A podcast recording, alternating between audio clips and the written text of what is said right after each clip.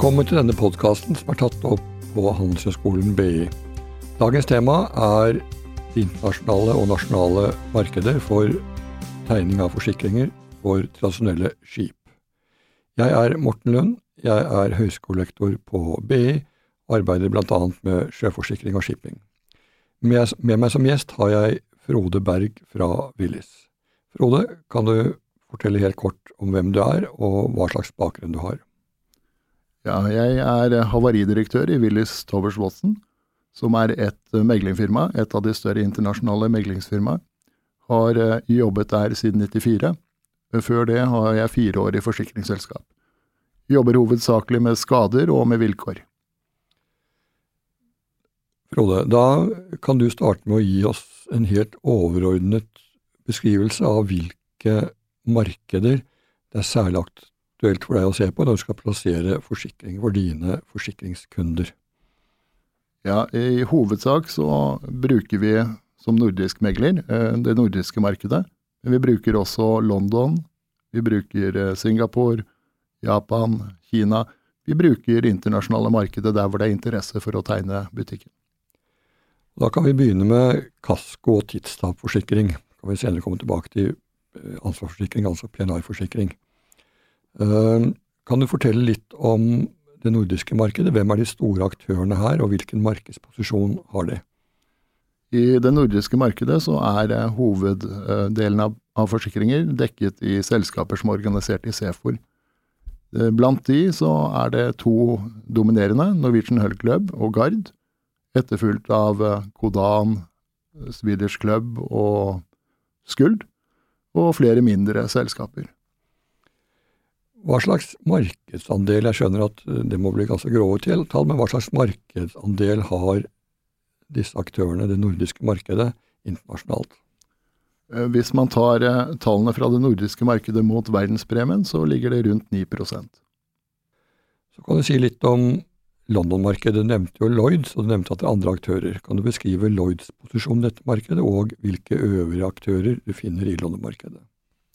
Lloyds, som er en som ikke er et marked, men et forsikringssted i London. Det består av syndikater som tegner forsikring. Det er, det, det er den største spilleren innenfor sjøforsikring internasjonalt. De står for eh, sånn røft regnet 15% 15-16% av verdens premie. Utover det så er det et vanlig forsikringsmarked i London med vanlig forsikringsselskap som ligger på sånn 5-6% av, av forsikringspremien. Det betyr at London-markedet har over, faktisk over 20% av verdensmarkedet. Ja. Og Så nevnte du Japan, Kina og Singapore. Kan du si noe om disse markedene? Hva slags andeler de har, og for øvrig hva slags posisjon de har i dette markedet? Ja, Japan har vært et veldig sterkt eh, marked for internasjonal eh, forsikring. Men de har generelt sett hatt små andeler. De, hovedbiten av forsikringer de tegner, er japanske redere. Det samme gjelder vel Kina, hvor de har noen få som tegner internasjonal forsikring, men resten er kinesiske interesser. Når man kommer til Singapore, så blir det litt annerledes. De er mer uh, interessert i internasjonal forretning, og, og, også forretning for et større område i, i sitt eget nærområde. Hva slags prosenter har ca. disse tre landene eh, når det gjelder andel av verdensmarkedet? Japan ligger litt under Norge, 7-7,5 eh, Singapore og Kina har gått forbi Norge og er større. De ligger på 10-12% Hva slags utviklingstrender er det i disse markedene vi til nå har snakket om? Er det noen markeder som går ned og andre som stiger, eller er det relativt stabilt? Det har vært en trend at Østen har gått opp, eh, på bekostning av bl.a. Eh, det nordiske markedet. Eh, siste utvikling fra 2016 til 2017 så hadde det nordiske markedet så vidt en liten oppgang. Når det gjelder London, så er det spennende å se, for der har veldig mange selskaper, eller mer korrekt syndikater, drevet med store tap. Sånn at de må ha en plan for å komme i pluss uten å øke butikk. Det har resultert i at flere viktige Lloyd-syndikater har trukket seg fra kaskoforsikring. Akkurat. Hva tror du, hvis man ser to-tre år fremover kan det tenkes at det faktisk kan være at de synker med en markedsandel på 5% eller sånn hvis er det, Kan det være aktuelt? Det, det, kan være aktuelt. Det er nesten umulig å spå. Hvis eh, de må få opp premien, hvis resten av det internasjonale, internasjonale markedet følger med, så kan de jo greie å holde sin posisjon og til og med gå opp i prosent. Men det er også en fare for at andre markeder konkurrerer de ut. Ikke ut, men konkurrerer de litt ned i prosent. Ja. De, de, markedene som øker, som du nevnte, særlig var de i Østen. Hva er bakgrunnen for å øke? Er det bedre premier, større servicegrad, eller, større, at, eller at de har en større grep hos nasjonale rederier? Hvis man tar Kina, så er det helt klart at de har grep på, på egne rederier. Uh, når du sier Singapore, så er det faktisk veldig mye av samme sikkerheten som ligger i Lloyds, uh, som er der men eh, til en lavere kostnad eh, å tegne butikk. Og dermed så har de tradisjonelt kunne vært billigere enn London. Og servicegrad, er det, noe, er det tilfeldig, er det, sånn, er noen systematiske forskjeller på servicegrad og, i disse markedene vi har snakket om? Ja, når det gjelder eh, Jeg holdt på å si alt utenom det nordiske, det er ikke helt riktig, men det meste utenom det nordiske. Da er det mer kapital kall det kapitalprovidere. De eh, yter liten ekstraservice, eh, sikrede må bevise sitt tap, sikrede har all plikt der, så de trenger heller ikke samme ekspertise rundt det. Når det gjelder det nordiske, så eh, tegner de i hovedsak, og våre hjemlige vilkår er basert på en all risk, krever at forsikringsselskapet er med. Det er stor grad av service, stor grad av ekspertise sammenlignet med andre markeder er eh, de nordiske markedene, eller det nordiske markedet, er det en klart overveiende andel av nordisk tonnasje, eller er, det, er ikke det noe trend? Det er vel eh, klart at det nordiske markedet, nordisk tonnasje, har gjerne nordiske vilkår med majoriteten eller en stor andel dekket i det nordiske markedet. Men også de nordiske rederiene bruker jo verdensmarkedet. Blant annet etter råd fra deg kanskje av og til? ja, råd fra meg, og det kan være interesse fra forsikringsselskaper, ja. ja. Vi har nå snakket om markedene for kasko og tidstap. Men kan du si, det er jo slik at det er ikke alle rederier som velger å ha en tidstapforsikring. Kan du si litt om markedene for tidstapforsikring, og hvordan disse forsikringene håndteres i de ulike markedene? Ja, nå de senere årene så har vel det nordiske markedet vært det markedet hvis du skal tegne tidstapsforsikring som ikke er en del av en pakke. Det er eh, hovedsakelig nordiske vilkår, hovedsakelig nordisk lead. Så kan man få med andre internasjonalt, men eh, det store markedet for det er Norden. Hvor ofte kommer det helt nye aktører inn i disse markedene? Tenker du fremdeles kasko og tidstap? Er det slik at de eksisterende vokser eller synker, eller kommer det helt nye aktører inn av og til? Av og til kommer det nye eh, inn. Eh, I det nordiske markedet, så de nye som har kommet inn, har gjerne vært noen som sitter på utenlandsk eh, kapital. Sitter som agenter, eller eh, nesten som eh, coverholder for eh, utenlandske, utenlandske assurandører som ønsker å være nærmere det nordiske markedet. Det er jo slik at når skip skal kaskoforsikres, så er det jo gjerne koassuransje. Det er aldri noen forsikringsselskap som tar hele skipet, og det kan jeg komme tilbake til senere på forelesninger. Men er det noe trend i at i visse markeder så er det, er det vanlig at forsikringsgiverne tar lavere andeler i skipene og heller har flere skip, eller er det litt tilfeldig det også, eller er det noen markedstrender her òg? Eh, jeg vil eh, kunne si det er litt tilfeldig. Fordi eh, innen hvert marked så har du forsikringsgivere med forskjellig interesse. Også innenfor det nordiske så er det noen som liker mange skip, små andeler. Andre liker store andeler. Hva er stor andel i denne sammenheng? Hvis man, hvis man snakker om et relativt stort og kostbart skip, en stor andel, er det 4% eller 25 jeg vil vel si at det avhenger av hvilken rolle du har. Hvis du skal være claims lead, altså være ansvarlig for skadeoppgjør på vegne av fellesskapet, så bør du ha størst andel, og på et stort skip så gjerne 10% eller mer.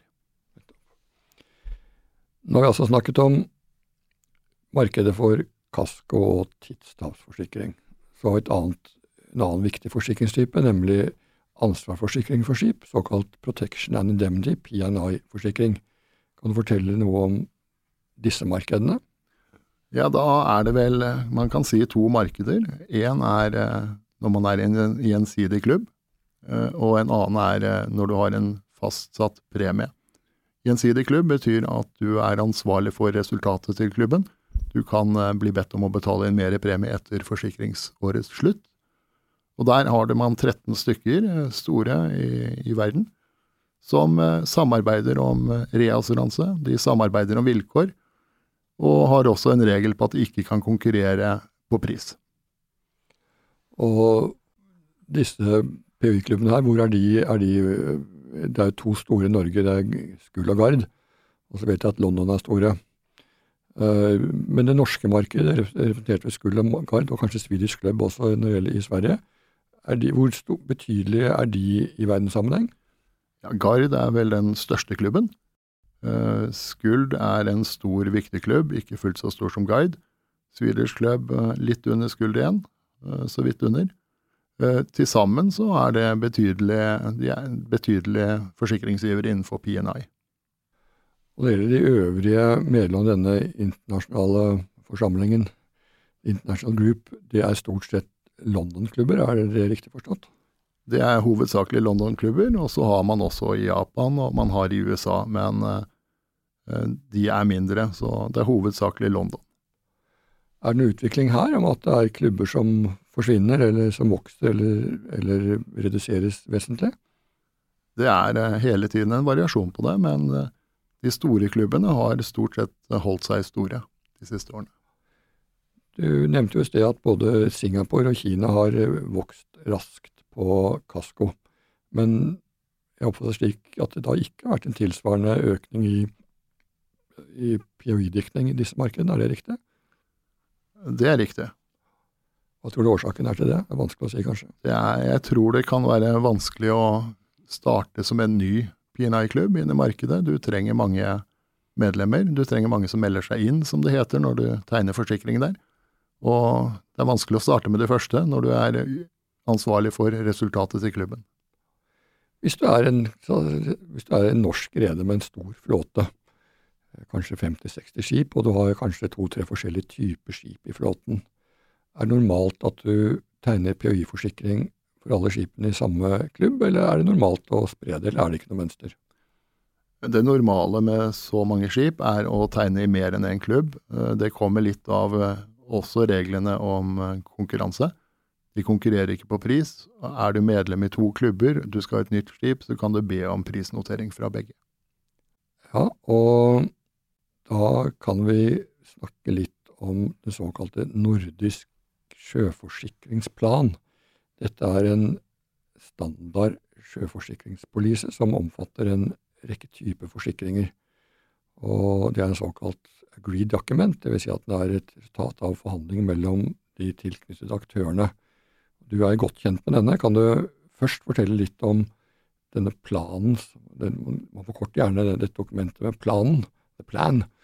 Og den offisielle versjonen er på engelsk, men det finnes også norsk oversettelse. Det er også veldig spesielt at det også er en grundig og god kommentar til alle bestemmelsene i planen, som er meget høy verdi, må jeg si, nærmest vitenskapelig. Eh, kan du fortelle en del om denne planens historie og posisjon etter hvert? Ja, planen har, eh, Den nordiske sjøforsikringsplanen har sin bakgrunn i den norske sjøforsikringsplanen, som eh, første utgave kom i 1871, eh, utgitt av DNV. Etter det så har det vært noen store revisjoner. 1930, 1964. Etter 1964 så begynte den å brukes også litt internasjonalt. Men eh, både 1964 og den senere 1996-versjonen så var den eh, utgitt både på norsk og på engelsk, hvor den norske gikk foran. Det skaper et litt problem å selge det til ikke-nordiske. Etter at Sefor utvidet seg til å inkludere nordiske assurandører, så hadde de også en interesse om å få planen til å bli et nordisk dokument, og det ble den i 2013, med revisjoner hvert, nå etter hvert hvert tredje år. Så siste er 2019-versjonen av planen. Kan du fortelle hvordan dette revisjonsarbeidet foregår, hvem som er representert, og hva slags forhandlingsstyrke de ulike aktørene har i dette revisjonsarbeidet? Det er Sefor som er den ene kontraktsparten. Og så har man de nordiske rederiforeningene, fire stykker, som eh, forhandler. Og de forhandler sammen som én part. Når man da er, eh, blir man da enig, så kommer det opp til universitetet, eh, hvor man sitter og, i en revisjonskomité. Og der blir man enige om finpussen på tekster, da med oppsyn av juridiske fra universitetet. Du har jo selv sittet uh, i diverse komiteer. Kan du fortelle litt om din egen rolle i dette arbeidet de siste årene? Ja, på grunn av at de fleste rederiene har For det første har de jo begrenset antall havarier, så de har litt mindre erfaring med, med vilkårene. De har en mindre forsikringsavdeling, så har jeg bistått Rederiforeningen først i Norge under den norske planen, og det nordiske under nordiske vilkår. Da har jeg vært med i komiteer for å lage vilkår, godkjenne vilkår, og også i revisjonskomiteen eh, for å godkjenne dem til slutt. Og hvilke forsikringstyper er det som er eh, regulert i disse planvilkårene? Planen inneholder vel det meste eh, av standard skipsforsikringer, med unntak av PNI. PNI har andre fellesregler. Så du har kasko, du har totaltapsdekninger, tidstap, du har egne regler for uh, offshorefartøyer, og du har egne for fiskefartøyer, og egne for mindre kysttonnasje. Så er det krigsforsikring på toppen av det hele. Og det er krigsforsikring i tillegg. Ja. Uh, I hvilken grad Jeg antar at de norske og de nordiske forsikringsselskapene eller forsikringsgiverne vil foretrekke å yte forsikringen på basis av planen. Hender at de også kan gå med på å yte forsikringen på basis av andre forsikringsdokumenter? Ja, de tegner ganske mye på spesielt Institute Time Clauses, engelske vilkår. Noe tyske vilkår. Øh, men jeg, uten å kunne garantere at det gjelder alle, så foretrekker de nok de nordiske vilkårene, som er, støtter opp under hvordan de har organisert seg med service etc. Hva med den andre veien, er i hvilken grad benytter utenlandske forsikringsgiver seg av planen? Ja, de, omtrent alt som er dekket av større skip på planen, har eh, i hvert fall koassuranse i utlandet og får full støtte på det. Det har også vært, også, også vært borti dekninger som ikke har noe som helst nordisk involvering, med utenlandske redere, ingen nordiske assurandører, som har vært dekket på nordisk plan. Står etter, Du fortalte jo at uh, det nordiske markedet har en ganske sterk posisjon på tidstapforsikring. Eh, betyr det også at det kanskje at tidstapforsikringskapitlet i planen står sterkere internasjonalt enn resten av planen, eller er ikke det tilfellet? Jeg tror vel planen generelt står sterkt i, på alle, alle forsikringstyper. Forskjellen eh, mot tidstap er nok at det ikke er så mange i utlandet som tegner tidstap i forhold til kasko. så den nordiske planen har en større andel av det som er tegnet. Eh, så et eh, spørsmål avslutningsvis. Og vi snakker fremdeles om tradisjonelle skip og ikke om offshorefartøyer osv. Men skip er jo forskjellige, og det er forskjellige utfordringer, vil jeg tro, når det gjelder drift, eller det åpenbart når det gjelder drift av ulike skip. Og det er ulik skaderisiko, og det er andre utfordringer som er ulike. Er det noe tendens i at noen forsikringsselskaper eller noen forsikringsklubber, og enten det er Casco eller PNI, regnes å være dyktigere på visse typer skip, slik at redere velger hvor de skal plassere forsikringene basert på dette. Og, også din rådgivning det å være basert på den type mulige forskjeller? Man kan nesten starte litt annerledes og se på interessen fra forsikringsselskapene. Det er forsikringsselskaper som ikke går inn på visse typer skip, f.eks. cruiseskip, eh, hvor enkelte har en eh, reservasjon, eller i så fall er mye dyrere enn andre. Det kommer for, Rådgivning kommer an på mer enn bare servicegraden. Servicegraden kan du få av én claimslyder, men når du dekker det ut siden, så har det med den økonomiske sikkerheten du får for de pengene du betaler. Et spørsmål som jeg glemte litt tidligere, det er markedet for krigsforsikringer. Eh, er det en forsikringstype som følger tendensen for kaskoforsikring, eller er det særskilte markeder og særskilte variasjoner her? I visse markeder, inklusiv det nordiske, så har man egne gjensidige klubber som tar seg av krigsforsikring. I det nordiske markedet, hvis du har eh, nordiske interesser, eller mer riktig hvis du er norske markedet, hvis du har norske interesser, så forsikrer du deg som gjerne i DNK. Det er den norske krigsforsikring for skip. Ja. Er, andre, er, de, er, er, den, er, den, organisasjonen en betydelig internasjonal aktør? Tar de også, tegner også utenlandsk tonnasje, eller er det først og fremst norsk? Det er kun norsk tonnasje de kan tegne. Uh, tilsvarende har du i Singapore. De har startet sin egen gjensidig forsikringsklubb uh, for uh, krigsfare. Men hvis du går til England, så er det vanlig at det er en helt vanlig forsikring som du går ut og dekker. Da takker jeg for at du møtte opp, Frode, og vi ser frem til å høre deg også på forelesninger til vinteren.